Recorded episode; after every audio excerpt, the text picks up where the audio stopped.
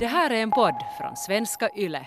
ASAP Rocky kommer att släppa en film om Sverigehäktningen. Denna film ska heta Stockholm syndrome. Och nu, Oj, oj, nu oj. kommer ni ihåg, nu vet ni ju, nu kommer ni ihåg vad som hände med ASAP Rocky när han var i Sverige. Mm. Såklart, såklart. Han blev, han blev till- tillfångatagen. Nej men alltså polisen satte honom i fängelse. Och han dömdes faktiskt sen också, han satt en hel månad, eh, dömdes till villkorlig dom för misshandel. Men, men, men då tänker jag så här, för att så filmen, hans film, eh, den kommer alltså att få premiär den 13 juni på Tribeca filmfestival. Och den heter Stockholm syndrome. Men nu tänker jag så här, vet ASAP Rocky vad Stockholm syndrom är? Nej, jag funderar samma sak. Det, det blir- passar ju inte alls. Eller passar det? Vi vet ju inte vad filmen handlar om. No, det, och kanske det slutar med att han säger att jag flyttar till Sverige. Jag älskar Sverige. Jag vill vara häktad här forever. Ja, eller, eller att jag vill bara vara i fängelse.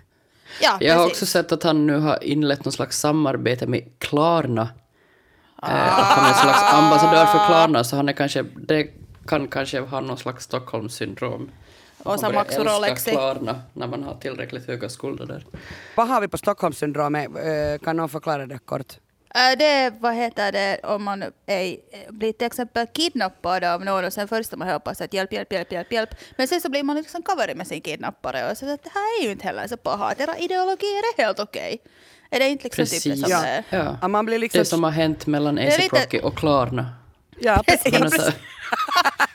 Alltså man börjar sympatisera med sin gisslan. Men alltså det, det, jag måste bara säga att, att det är ändå lite spännande, Stockholmssyndromet, eh, för alltså det, det här uppfanns, mynt, begreppet myntades av alltså helt utländsk press. Det var Norrmalmstorgsdramat 1973 då alltså fyra personer eh, tog, togs gisslan på ett bankkontor och liksom följande år så en kvinna i Kalifornien, Patty Hearst, så hon började råna banker tillsammans med sina gisslantagare. Och då kallar man det liksom för Stockholmssyndromet. Men alltså också jättesjukt att man börjar... att man, och sen- man och nästa så- år sådär, nu rånar jag mer. Och sen Patty Hearst, jag menar hon är ju det här arvtagerska till Hearst-imperiet, det här tidningsimperiet. Hon är ju liksom biljonär ungefär, så hon skulle verkligen inte behöva liksom göra det där. Så ja, Men, men, intressant. men jag tänker att alltså det är ju, för att det är ju, det är ju liksom, för man får, man får säkra sin i huvudet, alltså man blir ju sjuk. Jag menar det att hon, hon, hon måste ju bara råna banker för att, det var, för att hon ville vara med sin, med sin med dem som rånar banker. Alltså hon blev ju liksom så Mm. påverkad. Men, men så vi tror alltså att ASAP Rocky kommer att eh, Klarna skickar ut ASAP Rocky som en sån här skuldindrivare, kanske. Ja. Va? Det här blir så bra film. Och sen har han dessutom sagt att, eller man vet inte om, han, om vi alls kommer att få se den vid vanliga människor. Ja, Man, man måste, måste få vara Klarnas kund för att få se den då eller?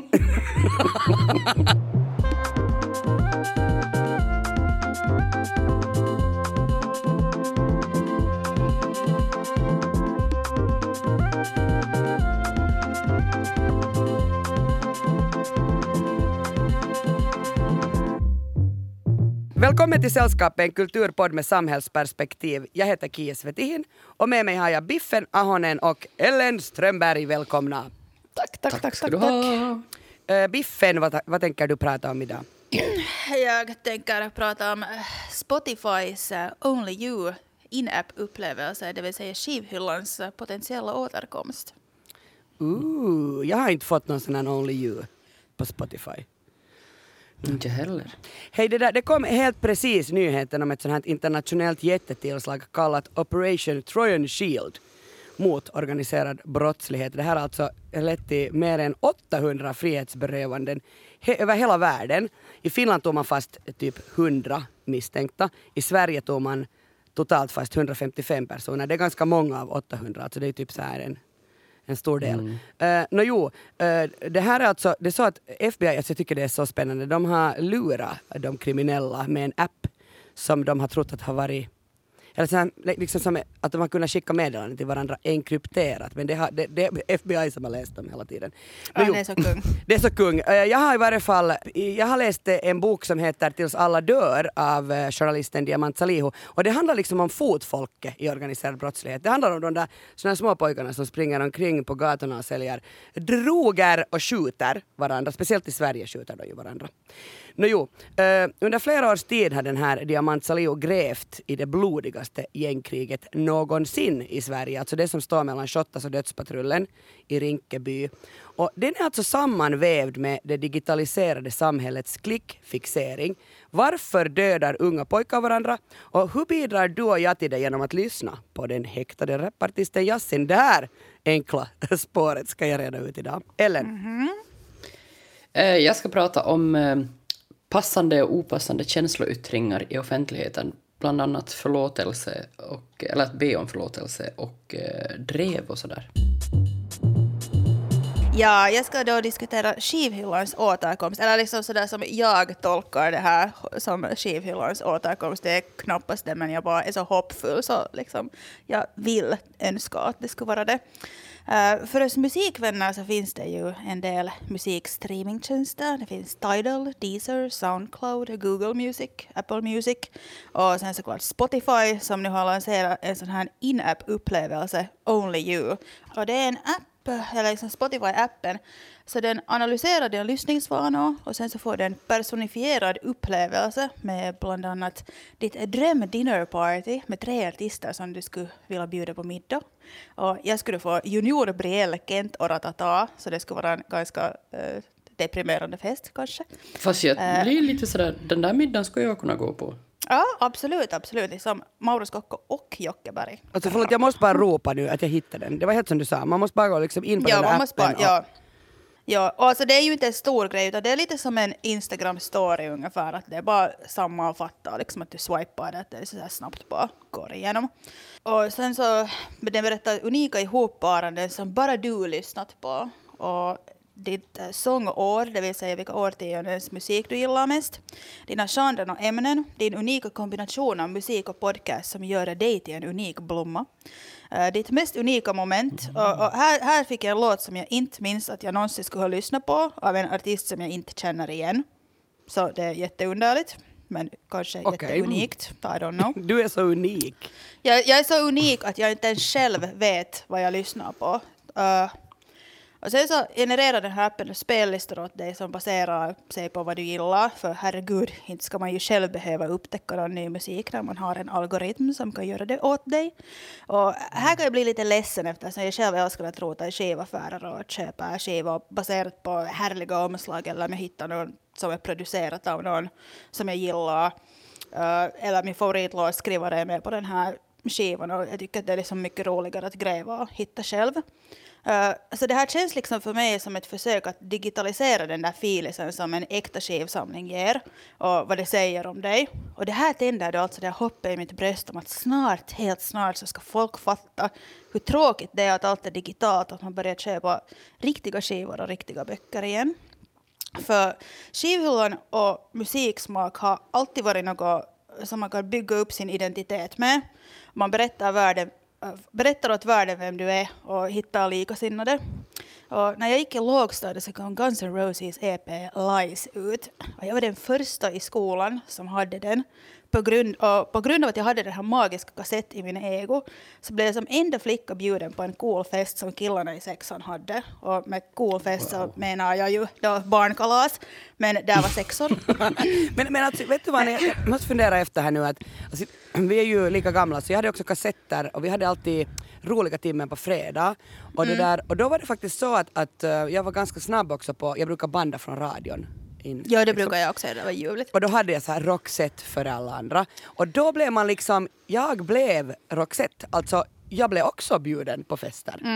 Alltså, man, man, men jag vet inte, är det så också kanske idag då om man är liksom i lågstadiet att man, man blir populär om man har en bra musiksmak? Det kan jag inte tro för det finns ju så Nej, det finns det liksom, ja och alla kan ju ha det där samma. För att där så liksom, för där, det var där som jag också insåg liksom den här makten av skivhyllan. Att, att, att om du har något och du kan visa upp det då så visar du liksom världen vem du är eller du kan bygga upp en image och vara precis vad som helst, liksom att vad du vill att folk ska tycka om dig. Och, och sen liksom att du gör efforten att du söker en kassett eller en CD-sinko eller whatever. Det var ju svårt att hitta skivor då. Nu, nu är det ju sådär att du bara hittar vad som helst. Eh, men liksom, jag har ljugit att jag har älskat Metallica och sen har jag hamnat och gå på deras keikka och jag lider mig igenom Enter Sandman för att jag ville imponera på en kille.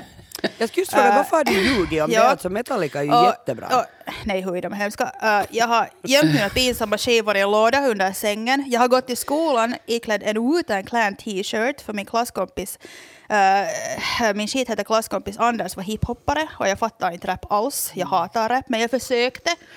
Uh, jag köpte Tribe Called Quest-skivor och Della Soul och Method Man. Och jag läste till och med The Source, men liksom det gick bara inte. Och sen gav jag upp och jag sket i vad andra tyckte och deklarerade mig till popnörd och började bara lyssna liksom på britpop och allt möjligt.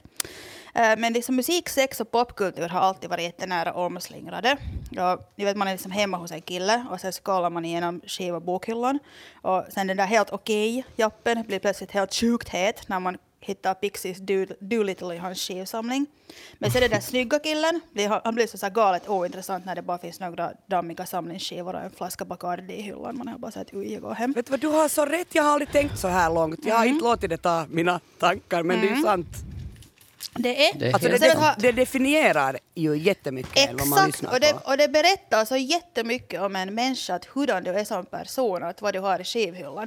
Och det här är lite så att man, man vet inte liksom om folk mer. Inte att det, det, så, ja, det, det är intressant det här. Jag tycker att det, det berättar mycket om en. Jag måste säga en sak. Eh, Jag igen har en sån här regel. Eh, Går jag hem till en, till en man eh, och han inte har en enda bok. Alltså man behöver inte ha Ja. en bokhylla. Det är faktiskt helt okej med det. Men om han inte har en enda bok hemma så måste jag gå. Ja, jag har man helt kan inte vara samma. tillsammans med en människa som inte läser. Nej, nej, nej. Och därför, med. därför är jag singel. Så här, samma. Jag är så du, om du inte har minst liksom en vägg proppad med vinyler så vill jag inte ha någonting med dig att göra. Så det är liksom, Fast det, jag håller faktiskt inte med där. Nej men klart jag uppskattar om någon har, eh, visar att man har smak om det gäller musik eller böcker. Men det är ju också ganska... Alltså jag tänker att det finns ganska mycket mer viktiga kvaliteter i människor som typ snällhet och sådär. Ja men jag tänker Nej, väl men- ändå att om man inte har böcker liksom, så betyder det ju att man har noll intresse av att, eh, alltså, att läsa skönlitteratur, läsa faktaböcker, wha- whatever du läser, men läs en bok. Nej men alltså det, det vet du ju inte om de inte har. De kanske bara...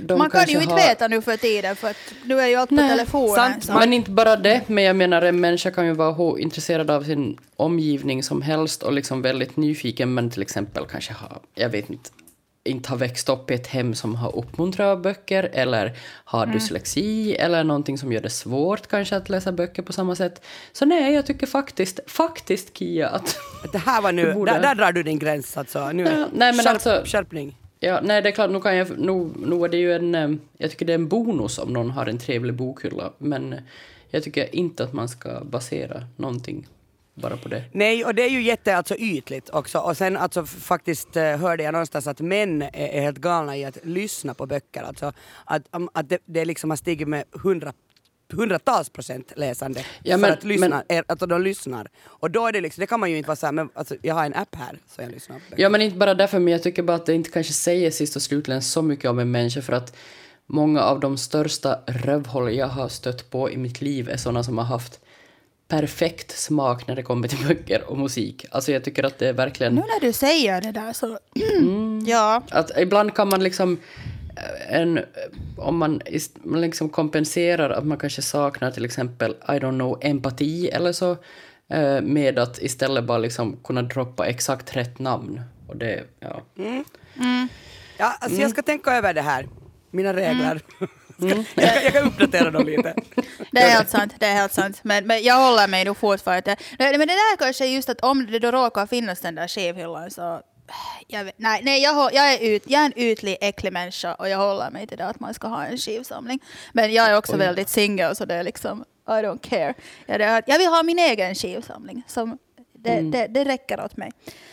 Eh, men men att, liksom att ha en musikstil som accessoar är ju inte liksom sådär jättenytt. Till exempel 2001 var Helsingfors centrum proppat med preppiga brudar som i skinande nya Converse gick omkring med genomskinliga påsar från Stockmans musikavdelning.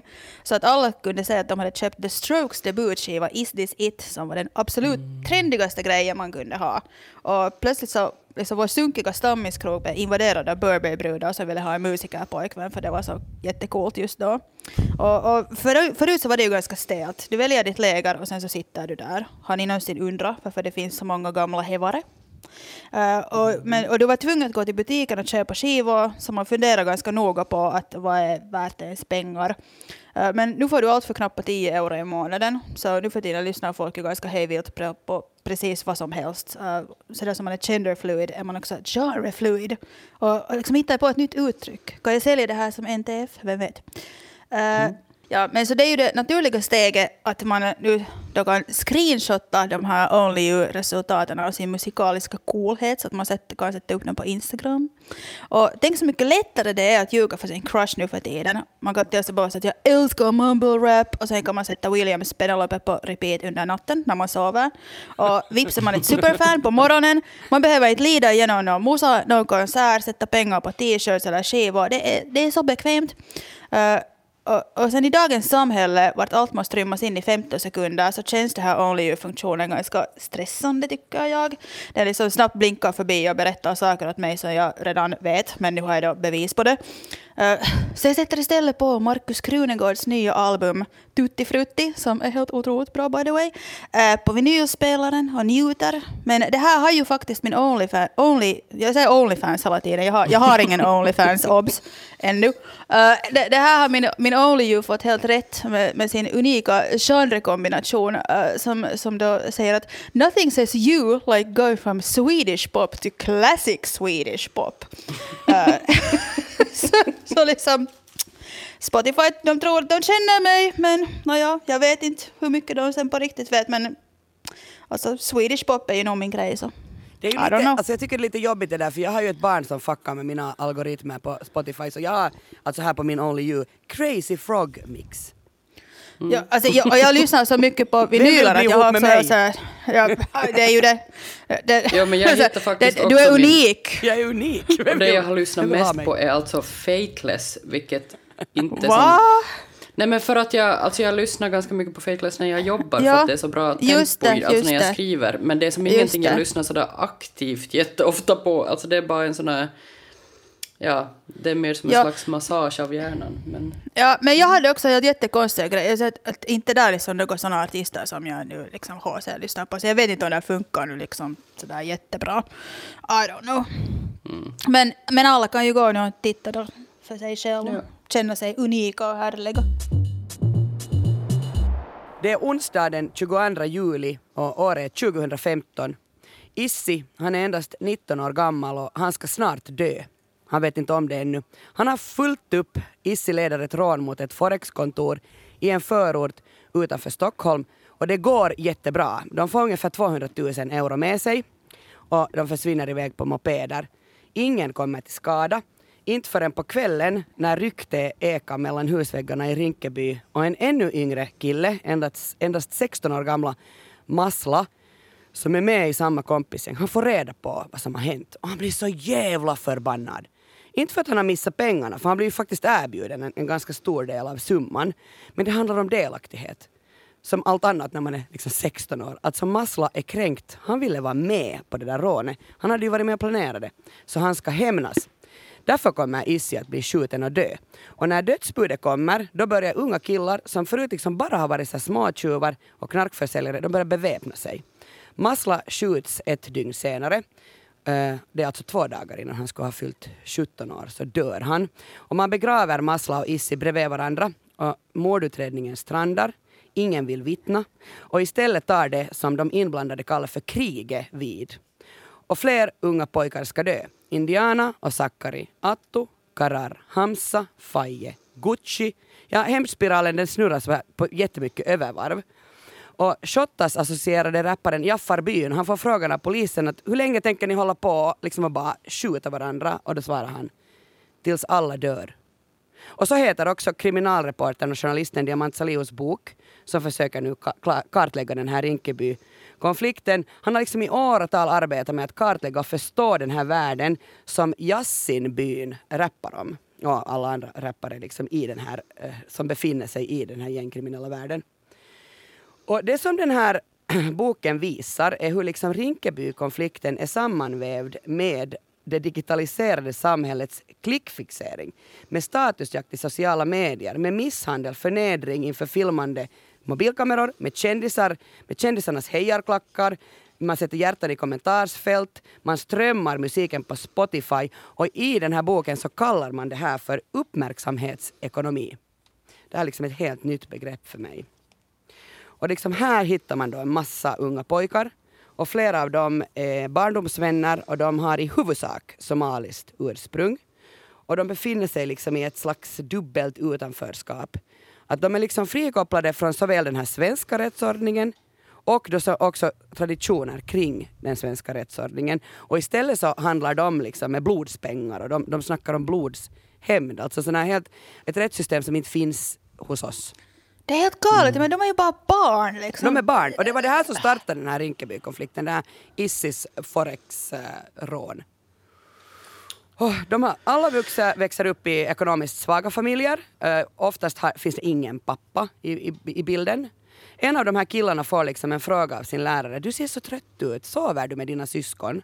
Och då säger han, nej, jag sover. Men du vet, du vet där man kommer in där man har skorna. Alltså, de kommer från familjer där det oftast är en mamma som är arbetslös, hon är ensamstående och de har typ nio syskon. Och de liksom ska bara klara sig. Um, de har många liksom har vuxit upp i samma område, de har spelat fotis med varandra, de har gått i samma skola, de har suttit bredvid varandra i klassen, de har sovit över hos varandra. Och sen när det här kriget började, så mitt i allt, så var de så här, nu måste ni välja sida. Antingen är ni på Shottas sida, eller sen är ni på dödspatrullens sida. Och de som har varit liksom bästisar med varandra har idag måste skjuta varandra. Och en, en eh, som liksom i boken som beskriver, uh, han, han känner till dödspatrullens kärna och han säger liksom att de där killarna i den här dödspatrullen, så de var alla i olika grad mobbade för att de inte liksom var som andra. Men gemensamt för dem var att när de var 15-16 år gamla, alltså ungefär 2012, så började deras brott bli allt grövre. Alltså det blev liksom olaga hot, narkotikabrott, stölder, rån, våldsbrott.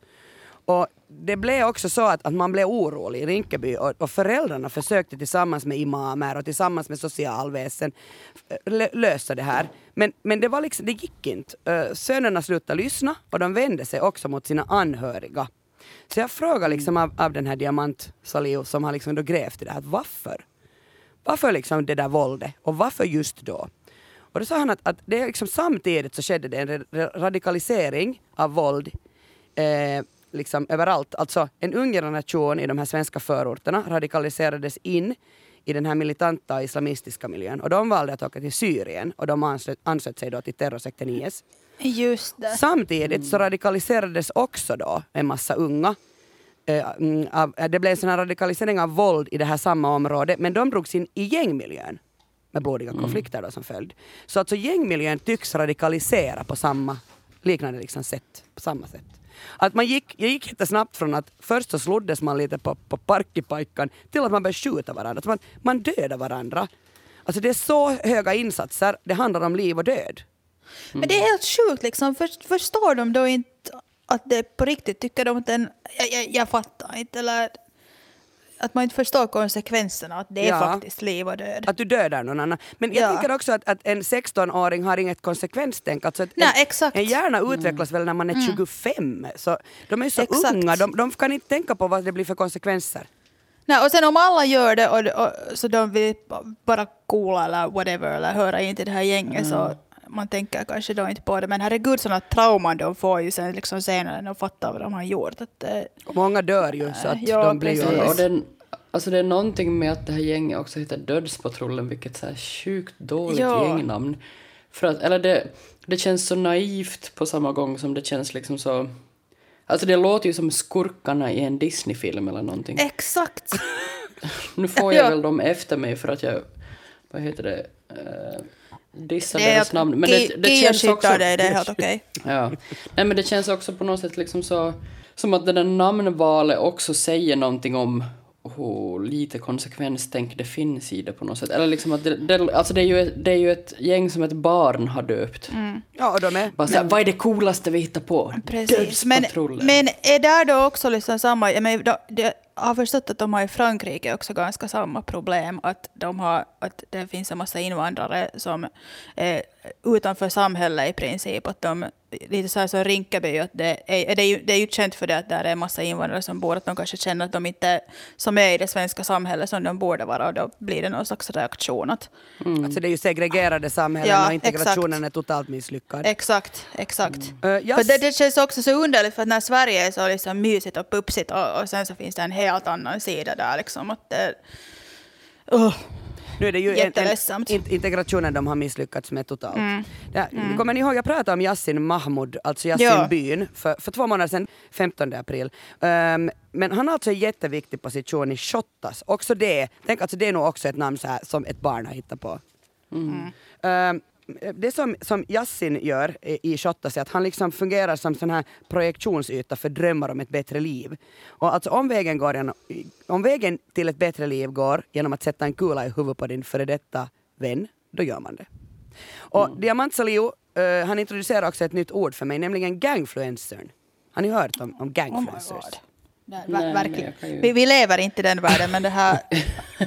Nej, men okej, det, det, det är förstås en, en influencer från den kriminella världen. Uh, han har följt uh, jätte, jätte, han har tillbringat liksom mycket tid på internet för att följa den här, de här konflikterna. Och via sociala medier har han följt uh, mest med. Och det pågår liksom en egen slags nyhetsrapportering på sociala medier med både bilder och filmer. Man kan följa med skadeläge, status på gängmedlemmarna på Instagram. Profilerna han hittar är liksom offentliga, de har över 10 000 följare. Personerna är liksom eh, öppna med lojaliteten till de här olika grupperingarna. De poserar med vapen, de visar upp pengar, de handlar i lyxmärkesbutiker och de har till och med sådana vet du, sån här frågestund som jag vet att du Ellen brukar ha. Alltså så svarar de på följarnas frågor. Alltså ett sånt traditionella influencers. Oh my god. Att de bygger ett varumärke via sociala medier. Och det är viktigt att finnas och synas där för den här yngre generationen, säger Salihu. Men låt oss prata lite mer om Yassin Mahmoud, Yassin Byn. Det är den här kontroversiella och flertaligt prisade rapparen som sitter häktad i väntan på domen. Han är alltså misstänkt för stämpling av kidnappning av en annan artist. Man tror att den här domen ska komma i juli. Och nu måste jag säga att det här allt liksom hör ju ihop med en Encrochat, alltså att franska polisen lyckades knäcka koden för det, det här Encrochatten. Och nu idag, eh, eller den här veckan hade ju också kommit då den här en, en, enorma nyheten att Man har, man har helt enkelt på högsta nivå, man fångar nu de här högsta de som alltså Ja. bestämmer. Då, då, säger, um, då säger Diamant Salihu att Yassin, han var liksom som vilken tonåring som helst, men han var jättemusikalisk. Han har växt upp liksom i, han var en musikalisk talang. Och, och han växte tyvärr också upp i Rinkeby, så det betyder att, att eh, allt eftersom den här konflikten eskalerades så måste han välja sida.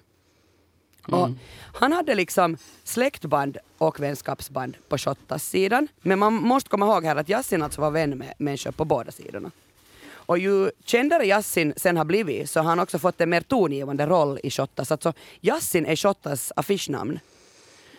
Och vad gör han nu då som är så farligt i sitt art- artisteri? Alltså jag menar, egentligen så svar på kan musik göra en kriminell eller kan liksom jag, vad gör jag när jag lyssnar på hans musik till exempel på, Spotify? Nå ja, men det som händer är alltså, han hyllar i sina musikvideor personer på Shottaz-sidan som har dödats i konflikter. I, i sina videon så uh, ser man hur han umgås med personer som kopplas till höga positioner i hans gäng. Och enligt polisen så blir det här då ett sätt att marknadsföra eh, sitt eget gäng och sen också sin våldskapacitet. Alltså, han visar upp vapen, han sjunger om saker som droger och så vidare och han stärker sitt eget varumärke genom musiken. Och på det här sättet så visar han igen då enligt polisen att, att liksom han är en frontfigur för, för den här ena sidan.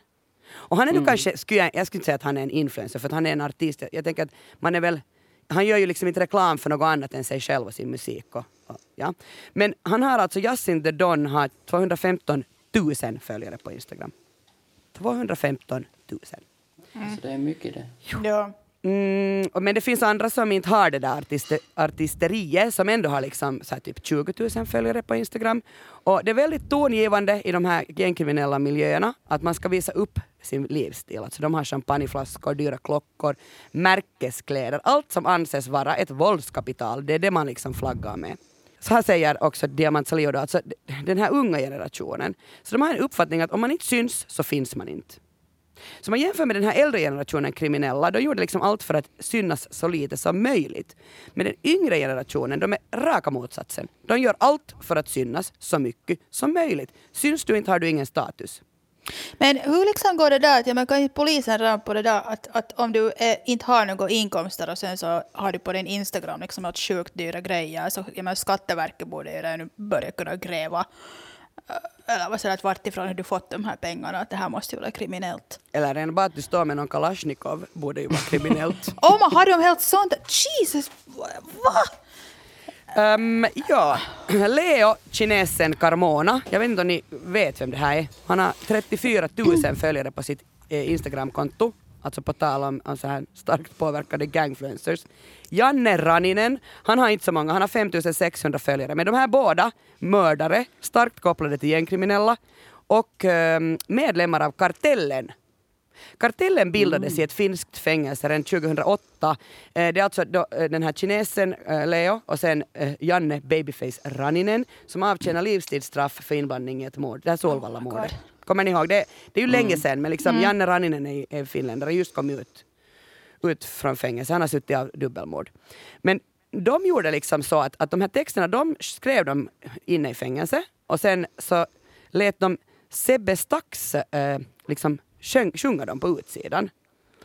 Och Kartellen de bäddar för en helt ny generation svenska gangsterrappare och i kollektivet Ghetto Superstars så har man alltså, har Kartellen varit med och skolat upp liksom eh, Eh, tillsammans med producenten Hasti B så har de eh, skolat upp liksom Jassinbyn, Jaffarbyn, Montibyn, Elias Abbas och de här. De, de är alltså från Rinkeby. De har skolat upp förstås många andra också men eh, kriminologer säger att att liksom, det är nu inte något nytt att, att man försöker skapa en egen identitet. Så är det också i USA där gangsterrap har funnits jättelänge och har alltså jättestark koppling till kriminalitet.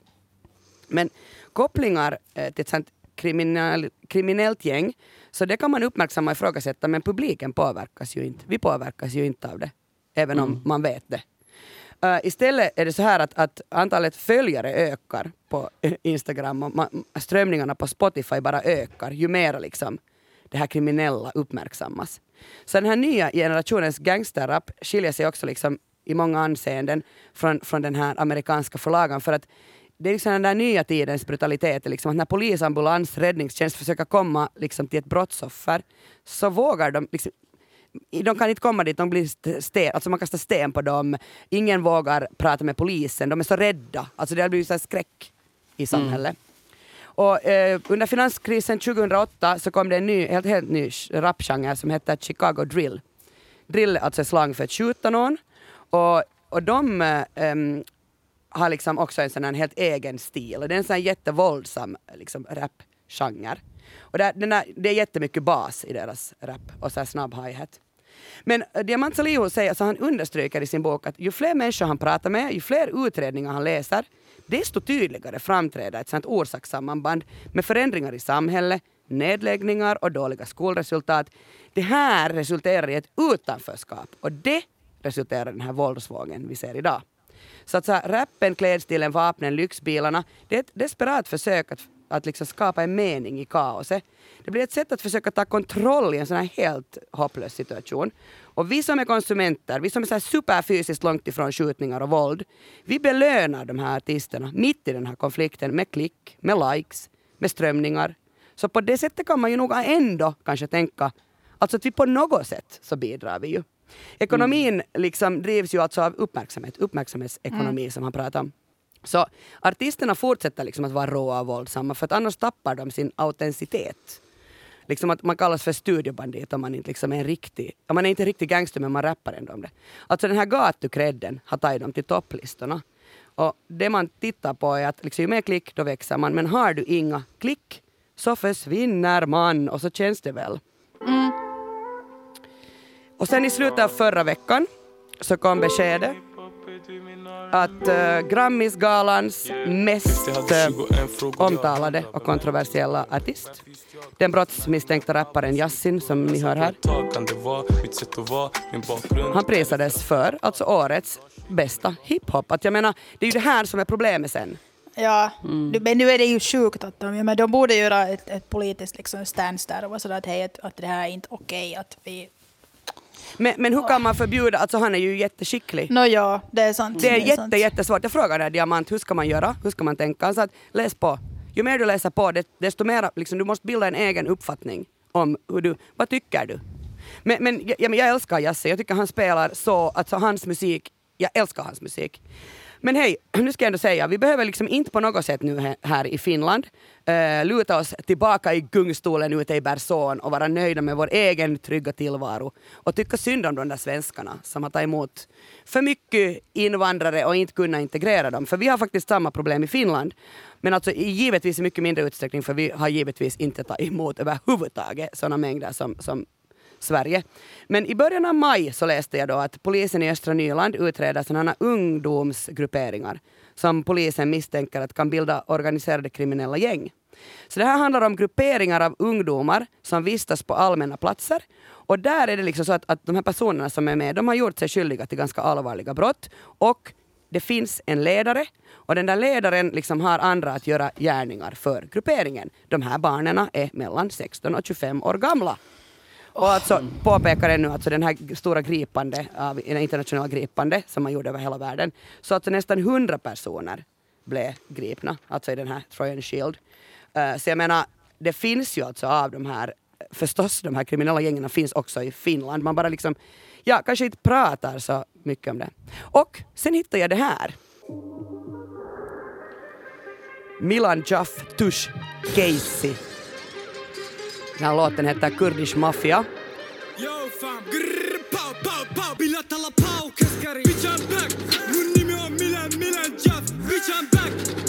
Det här är över en halv miljon visningar alltså på, på Spotify eller var det på Youtube, liksom den här låten. Eh, Milan Jaff är nu en sån här helt allmän bråkstack. Han har suttit inne, begått små kriminella handlingar. Men han är alltså jättestor på internet och på Instagram har han nästan 13 000 följare. Välkommen liksom till Finland, att vi har det nog. De här problemen är inte liksom någonting vi kan säga att vi inte har. Men inte vet jag vad man ska göra åt det. Eller liksom, jag tänker också sådär att, alltså, in, jag säger bara så här, integration och sen liksom, nu har jag hört jättemycket idag i och med det här stora gripande, liksom av alla in, internationella gripande, att det som, alltså man måste bara få bort den där gatuförsäljningen men att jag vet inte, alltså då går man ju liksom mm, rakt på de här pojkarna, alltså man borde väl kanske bara se till att de har det bra. För att de inte ska gå in i den här världen och livet. Inte vet Men jag. det är ganska, mm. ja, jag tycker bara det är intressant det här med det här gängkriminaliteten och det här i Sverige. Att liksom de enda ställen jag ser det, eh, vad heter det, diskuteras så är liksom i kultursammanhang. Och jag vet inte när det har blivit en kulturfråga. Alltså för att är det inte liksom en samhällsfråga först och främst? Jag tycker också att det först och främst är en samhällsfråga. Men när jag frågade Diamant Salihu helt så här att hur ska, man- alltså, hur ska jag kunna, ska man skilja på verk och person när det gäller Jassinbyn? Då sa han, jag är eh, krimina, kriminalreporter, jag kan inte ha en åsikt i det här. Men det är ditt jobb för du är kulturjournalist. Så han satte alltså ansvaret på mig lite. Okej, men det tycker jag är fine. Och vad gjorde jag då? No, jag har läst på jättemycket och, och jag liksom landar, jag har nog inte ännu, jag har inte landat i någonting, jag vet inte vad jag ska säga men jag tänker också att nu är det ju jättesvårt att förbjuda en skitduktig musiker Alltså att spela, alltså vad ska man göra? Så att man inte får lyssna på honom. Ja, men alltså jag tycker liksom också att det, det är ju också en förskjutning, alltså den frågeställningen är ju en förskjutning kan jag tycka för att, att liksom även om det är intressant och kanske viktig diskussion också att ha att liksom, liksom som kulturmänniska då att liksom att, att ska man skilja på verk och personer bla bla bla så är det ju fortfarande liksom att jag saknar lite den här diskussionen kring den här gängkriminaliteten liksom i andra forum, alltså som inte handlar om att de här gängkriminella också gör musik utan liksom som handlar om varför har vi gängkriminalitet, alltså varför uppstår, alltså förstår du vad jag menar? Ja, de här utsatta, ja precis, alltså att det är ju Ja. i princip är ju frågan om att utsatta områden och ja, helt enkelt Ja. inte man har satt in tillräckligt mycket hjälp.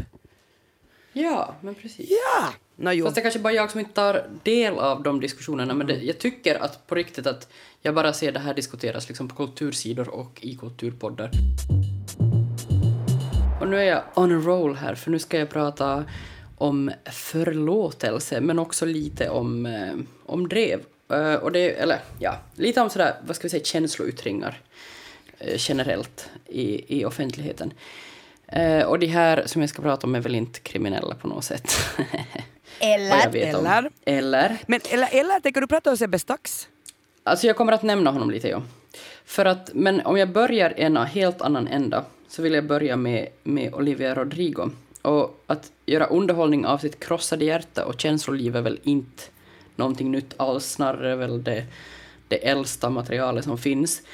Och därför borde det kanske inte vara någon större överraskning, men det är ändå ganska liksom sådär att oj, att eh, just Olivia Rodrigos debutalbum Sour har slagit alla rekord i eh, att sälja snabbt som album. Alltså det, det har sålt nu sitter jag inte på några siffror här, för jag tycker inte om siffror. Men, men det är i alla fall det, är det album i världshistorien som har sålt mest liksom de första dygnen det var släppt. I världshistorien? Okay, wow! Ja.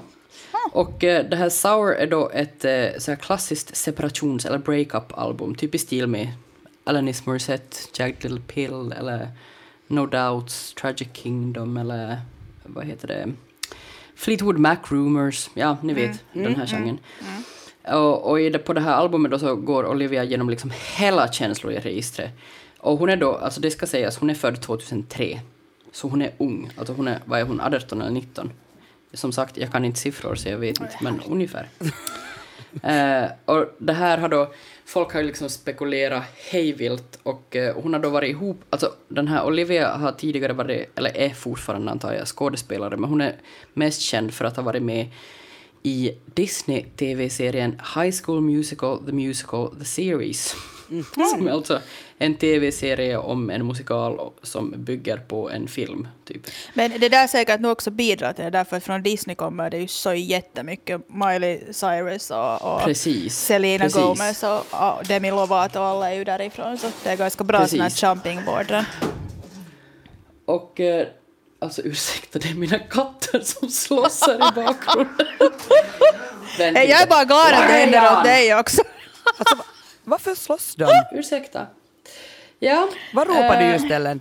Laga er Jan. ja, var var jag?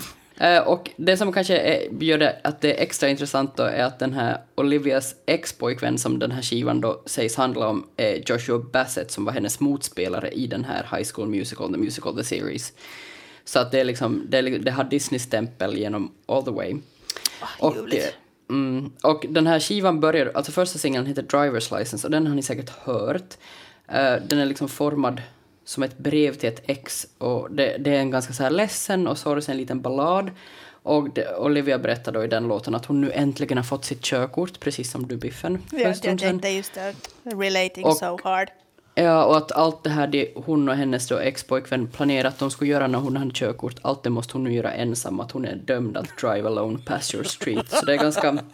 Det finns många tonåringar som säkert kan relatera till det där. Eh, ja, och den här driver's license blev jättestor för att den blev en stor hit på TikTok, precis som alla andra nutida hits så måste man liksom slå igenom på TikTok för att bli en en, en, en stor hit. Och eh, i dagsläget så har Driver's License tror jag typ nästan två miljoner videor till den ljudet.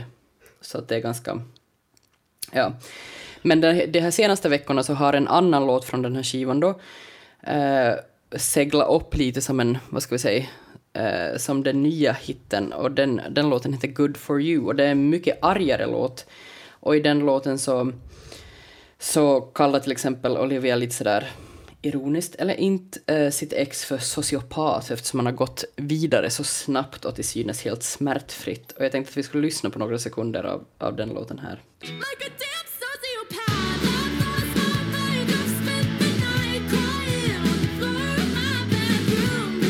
Ja, men är det inte härligt?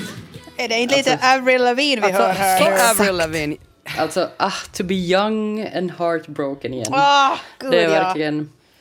Eh, och folk känner ju förstås igen sig i det här, men det, är också, alltså det har också blivit liksom en hel sån här, typ ett helt narrativ det här att, att liksom göra skadeglada memes över hur den här Joshua Bassett, alltså den här, det här exet då, måste ha känt sig nu när Olivia har släppt de här låtarna och liksom, det har liksom uppstått ett litet drev igen då en gång och drev är ju då min, mitt favoritämne att prata om.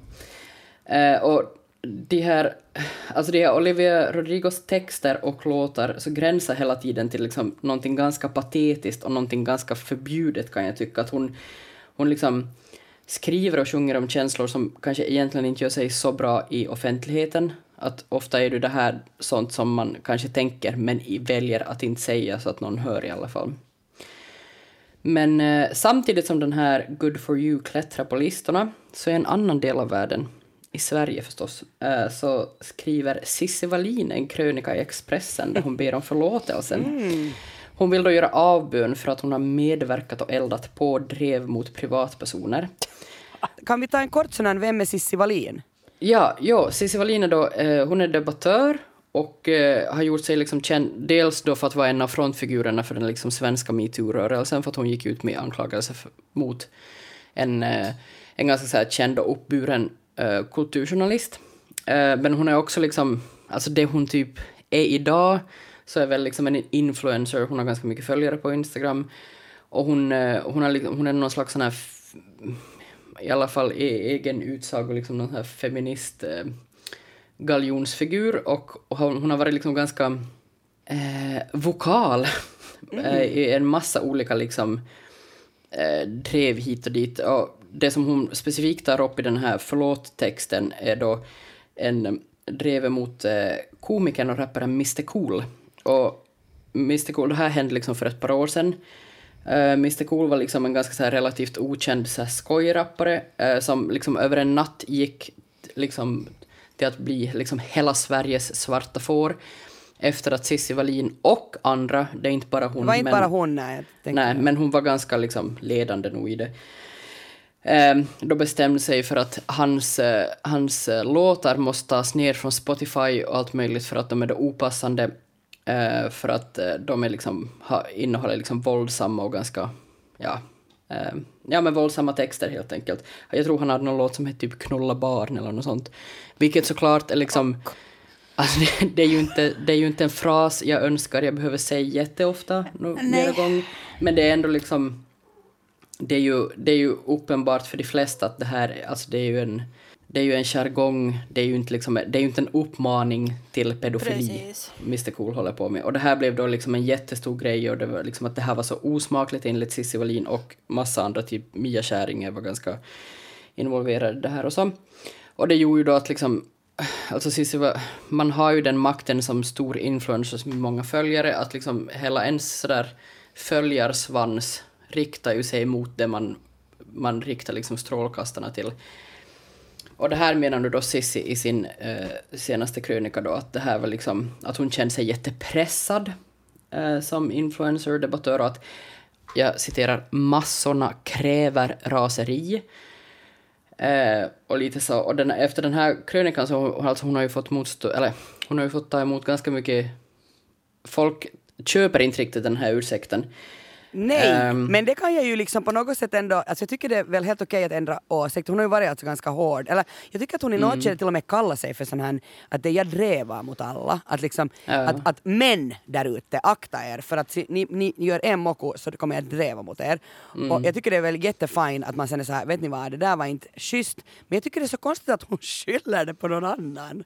Ni Jo, krävde alltså- det här av mig. Här, va? Ja men verkligen. Och hon fick ju, alltså bland annat Markus Berggren som också är komiker skrev i Göteborgs-Posten ett svar där han kallar Wallins ursäkt för too little too late och i Aftonbladet skrev Anna Andersson att, att just, just precis som du sa Kia, att, att Wallins ursäkt skorrar liksom falskt, falskt och att det mest eh, att det mest låter som en jakt på nya likes, att hon märker att oj men nu, nu får inte jag uppmärksamhet för de här dreven längre för folk börjar tröttna. Så nu gör jag liksom en U-sväng här. Just det. Och eh, Wallin är ju sannerligen inte den enda som har bett om ursäkt eller försökt förklara sitt beteende de här senaste åren. Alltså vi lever ju i en ganska hård mediekultur och det gör ju också att folk kanske gör övertramp och misstag ganska ofta. Och den här ursäkten har ju nästan blivit en egen genre. Alltså så sent som i våras så sände SVT till exempel den här dokumentären Persona non grata om eh, komikern Soran Ismails uppgång och fall i metoo.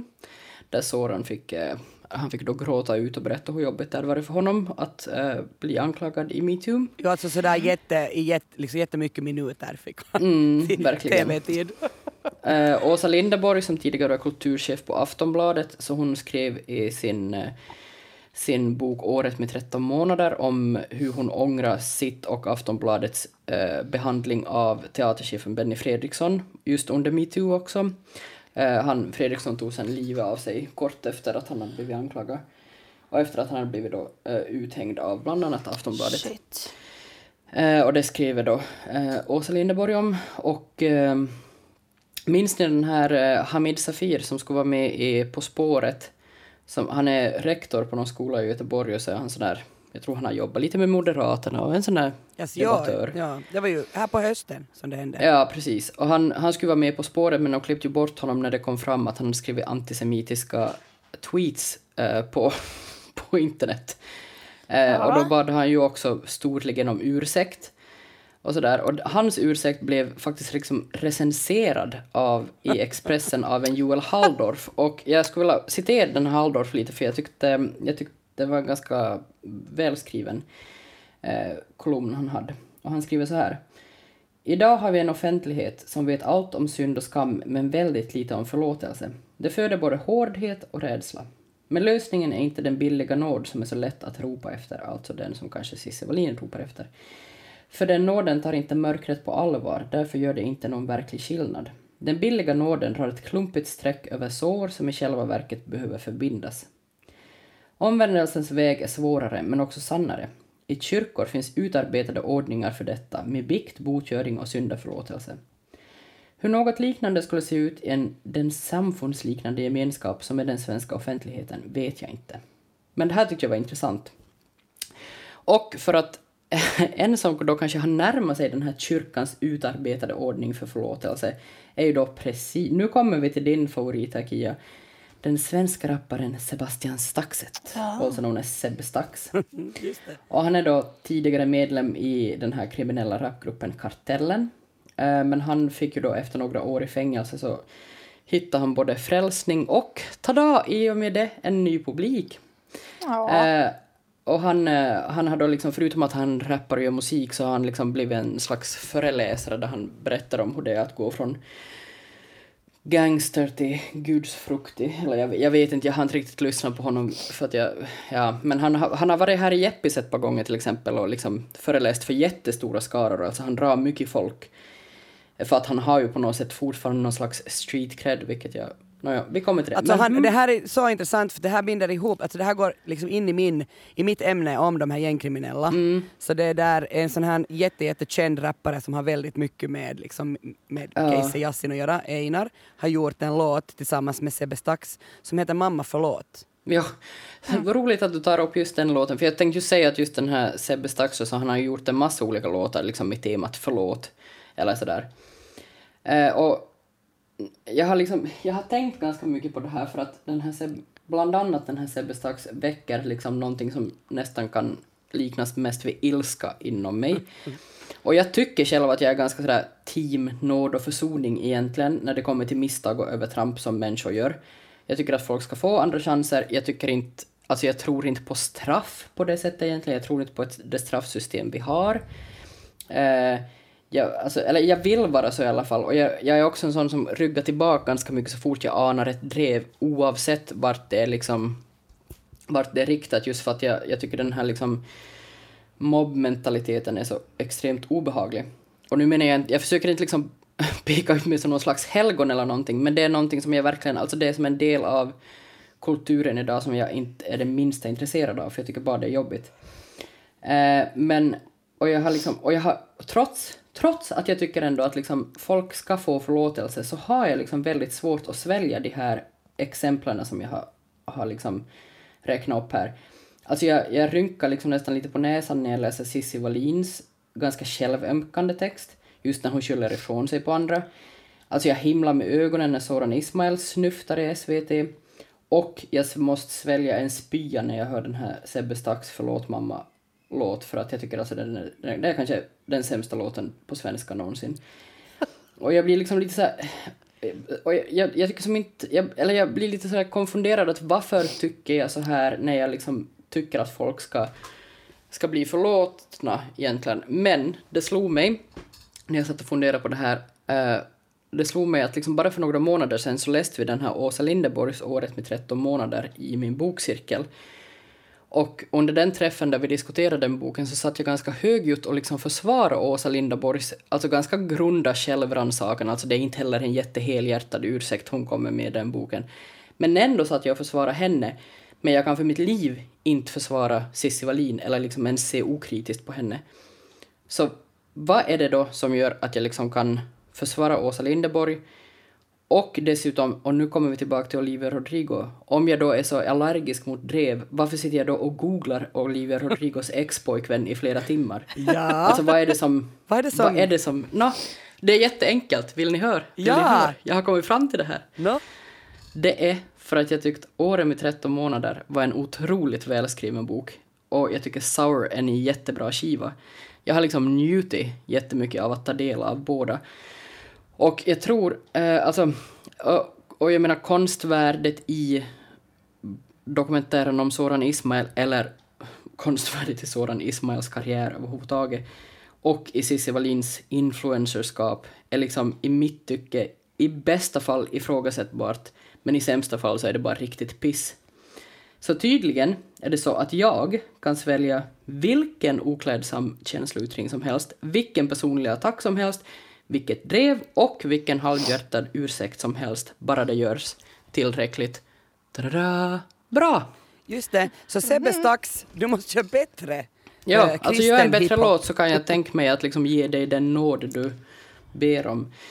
Så, och det här är kanske någonting jag borde be om ursäkt för, för jag är inte helt säker på att det är jättesympatiskt att liksom att eh, prioritera konstvärde framför eh, nåd och förlåtelse, men så är det. Men jag tänker att det är spännande att du liksom inte hel- heller egentligen själv har förstått det förrän du börjar fundera på det. Att varför är det Nej, så? men jag, jag har inte heller, alltså jag har, jag, jag har bara som inte fattat varför, varför är jag så elak när jag inte riktigt vill liksom dela med mig av den här förlåtelsen eller whatever folk är nu ute efter och va- varför kan inte jag liksom, även när ett drev riktas mot någonting jag, en sakfråga jag tycker är fel, inte de Mr Cool men något annat, så kan jag ändå inte delta, men det är ju som, det är för att det är liksom för dåligt gjort. Gör om, gör bättre. Men eh, så nu sitter jag bara och väntar då. Det här kan också, hela den här min prata kan ju också ses som en, ett slags tips om Olivia, Olivia Rodrigos Sour-skiva, för den är jätte, jättebra.